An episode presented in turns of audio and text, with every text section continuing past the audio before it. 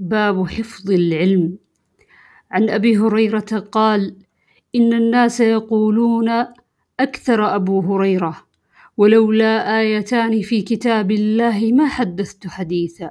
ثم يتلو إن الذين يكتمون ما أنزلنا من البينات والهدى من بعد ما بيناه للناس في الكتاب إلى قوله الرحيم إن إخواننا من المهاجرين كان يشغلهم الصفق بالأسواق وإن إخواننا من الأنصار كان يشغلهم العمل في أموالهم وإن أبا هريرة كان يلزم رسول الله صلى الله عليه وسلم لشبع بطنه ويحضر ما لا يحضرون ويحفظ ما لا يحفظون.